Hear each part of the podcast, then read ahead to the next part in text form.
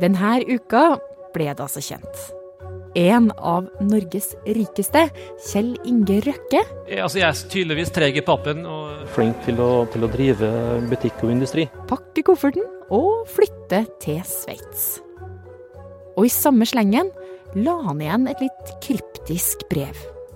Med det satte han også fyr på den ganske så lettantennelige debatten om skattepolitikk. Altså, det er ingen dekning for å si at eh, formuesskattekutt skaper arbeidsplasser eller sikrer arbeidsplasser i Norge. bare for å betale skatt pga. regjeringas skattepolitikk. Jeg tror ikke Så det finnes noen som blir overraska over at Arbeiderpartiet er opptatt av å diskutere hvordan vi kan ha et mest mulig rettferdig skattesystem. Men hvorfor drar egentlig Røkke fra Norge, og har det noe å si? Du hører på Forklart fra Aftenposten. Jeg er Marit Eriksdatter Gjelland, og i dag er det fredag 16. september. Sindre Heierdal, økonomikommentator i E24. Hei. Hei! Du, jeg ser det hele for meg litt sånn som det her. Det er morgen på halvøya Konglungen i Asker utenfor Oslo. Og i sin enorme hvite villa har Kjell Inge Røkke nettopp stått opp. Han tasser rundt i morgenkåpa si, nynner for seg selv, mens han kikker ut på Oslofjorden og skjenker seg en kopp kaffe. Så får han en melding på telefonen. Han fisker den opp. Oi, det er melding fra Altinn. Skattemeldinga er klar. Uhu, tenker han, hva får jeg tilbake på skatten nå? Og så finner han fram datamaskinen, og så logger han seg inn. Ah, det er så mye tall. Han scroller og scroller opp og ned. Men hva står det der? Baksmell? På 600 millioner?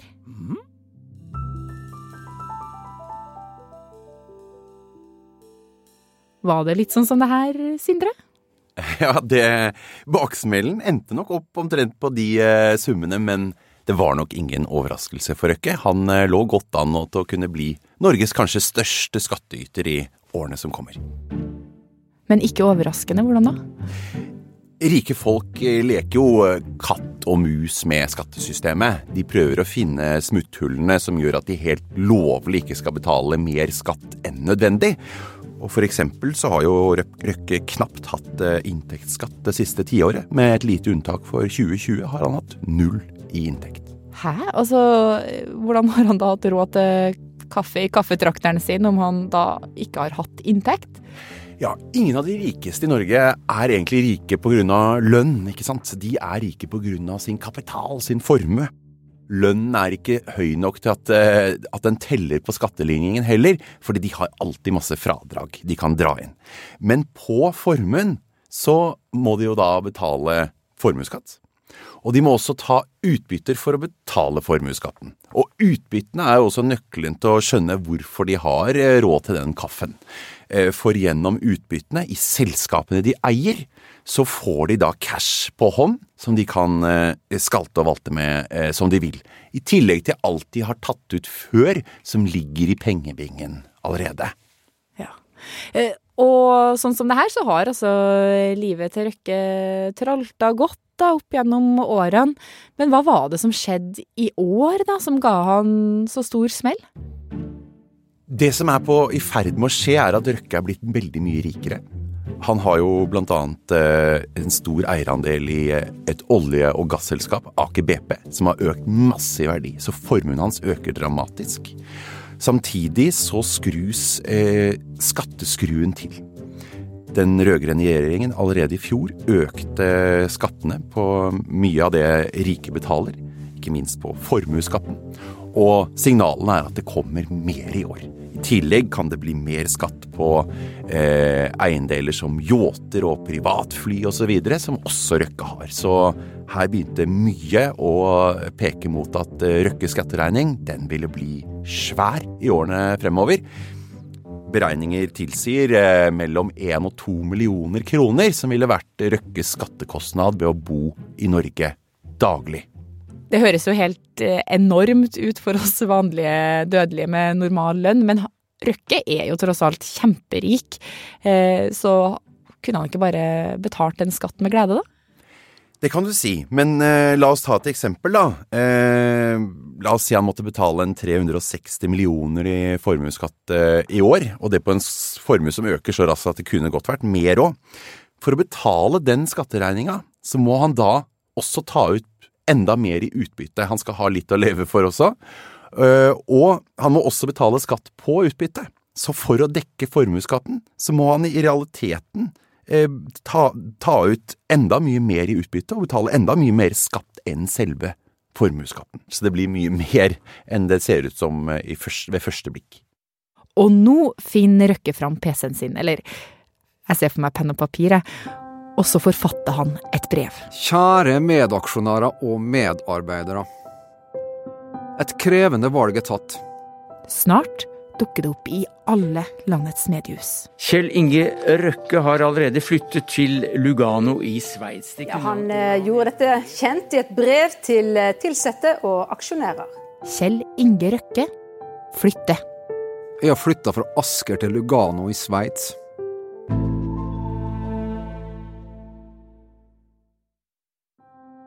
Sindre, hvor overraskende var det her brevet fra Røkke? Ja, dette brevet slo jo ned som en bombe i det offentlige Norge, og det inneholdt også en del artige formuleringer som eh, bet seg fast, og nesten litt poetiske vendinger iblant. Som at eh, jeg vil fortsette å yte, nyte og dele, helst hver dag. Verken jeg eller dem som kjente meg i oppveksten, kunne forestille seg det livet jeg har fått oppleve. Med ni års obligatorisk skolegang og få gode karakterer, dro jeg på sjøen og fikk hyre på en fiskebåt. Så er det jo ikke dette her som gjør dette til en stor sak. Det er jo det at det kommer fra selveste Kjell Inge Røkke, pallesnekreren fra Molde. Ja, hvem er Røkke? Røkke er eh, skoletaperen som reiste til USA, bygget seg opp med sjømat, kom hjem og ble stadig rikere på å manøvrere vellykket i en eh, norsk blandingsøkonomi, der det å ha også politiske kontakter eh, gjerne er gunstig.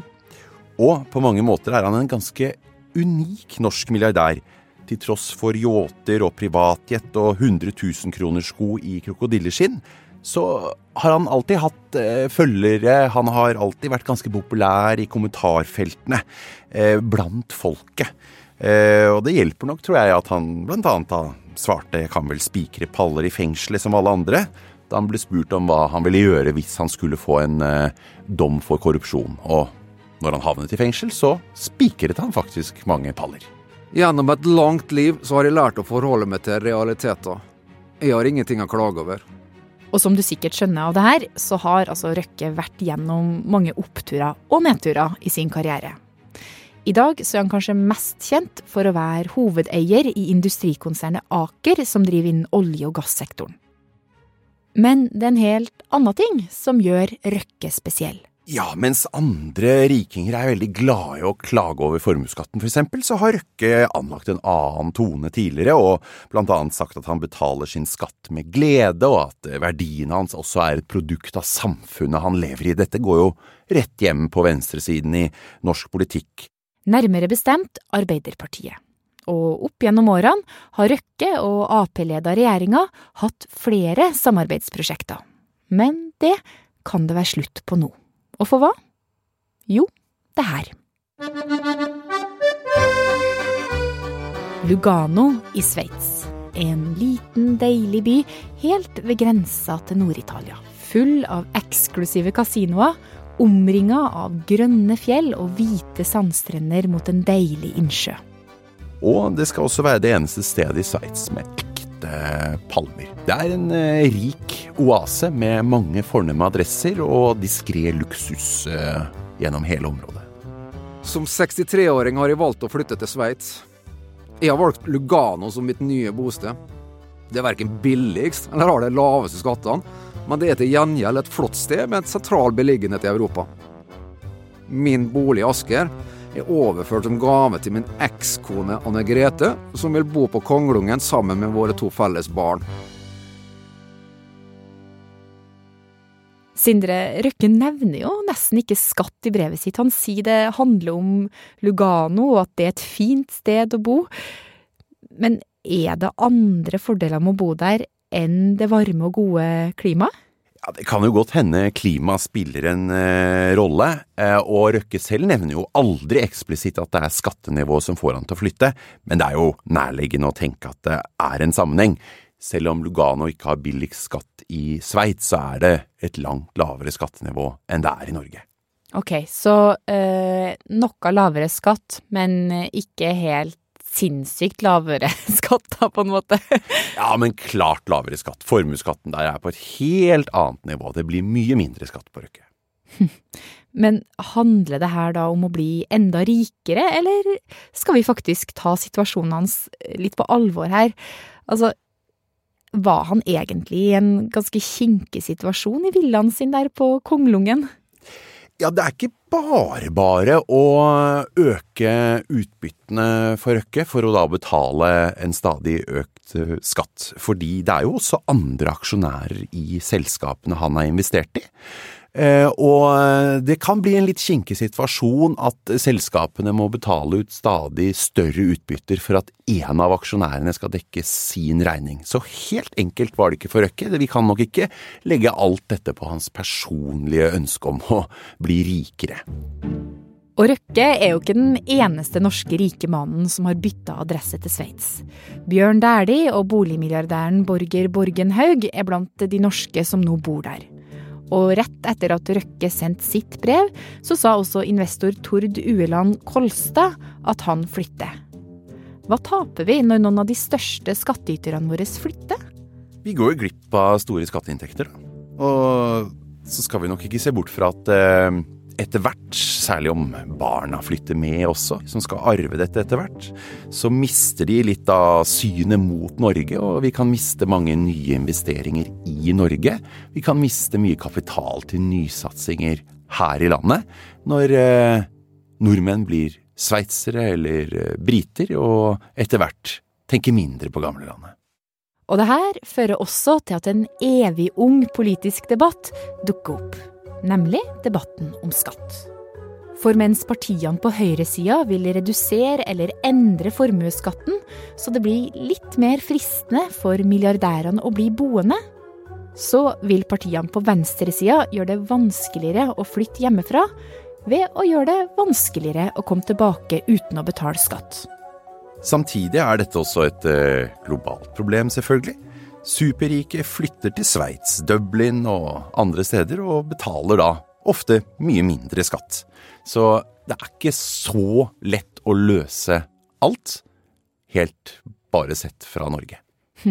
Men eh, kan man ikke da bare forby det, altså forby skatteparadiser, eller lage noen avtaler sånn at skatten ikke blir så forskjellig land imellom?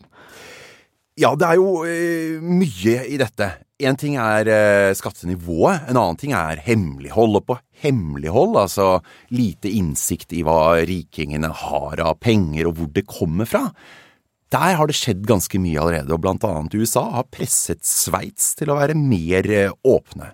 Så er jo skattenivået en annen diskusjon. Der er det en del globale initiativer, anført blant annet av Joe Bidens eh, USA. Eh, et ønske der er en minimumsskatt på 15 Men det er ikke bare bare ting tar tid, og også dette initiativet har trukket ut nå.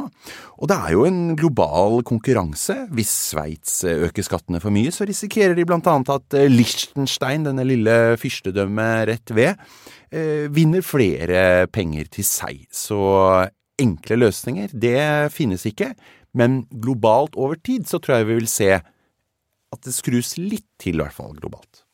Og hva skjer nå med Røkke? Røkke, da? Skal han bare bo der borte i Sveits og ta privatflyet sitt til Norge i ny og ne? Altså, hvordan blir livet hans nå? Ja, men skatteetaten følger også med på det nye livet hans, eh, og han må forholde seg til helt spesifikke regler for å over år eh, slippe skatteplikten hit. Blant annet må han da maks oppholde seg 61 dager i Norge i året, og han og hans nærstående, inkludert da eventuell kone og mindreårige barn, de må ikke disponere eller eie egen bolig. Så eh, det er ikke fritt fram her. Eh, her må han følge nøye med på reglene. Eh, og stoppeklokka og kalenderen bør være godt oppdatert. Og hvordan har han løst det, da? Villaen, hele området på Konglungen i Asker, har han gitt bort til ekskona, som skal bo der med felles mindreårige barn. Og så har han Teams som verktøy. Heldigvis har jeg fortsatt ei bucketlist over ting som jeg har lyst til å gjøre og oppleve. Min ambisjon er at den fasen jeg nå har tatt fatt på, vil gagne både Aker og meg selv. For de som er Aker og meg nær, så er jeg fortsatt bare et tastetrykk unna. Kjell Inge Røkke, Lugano, 12.9.2022.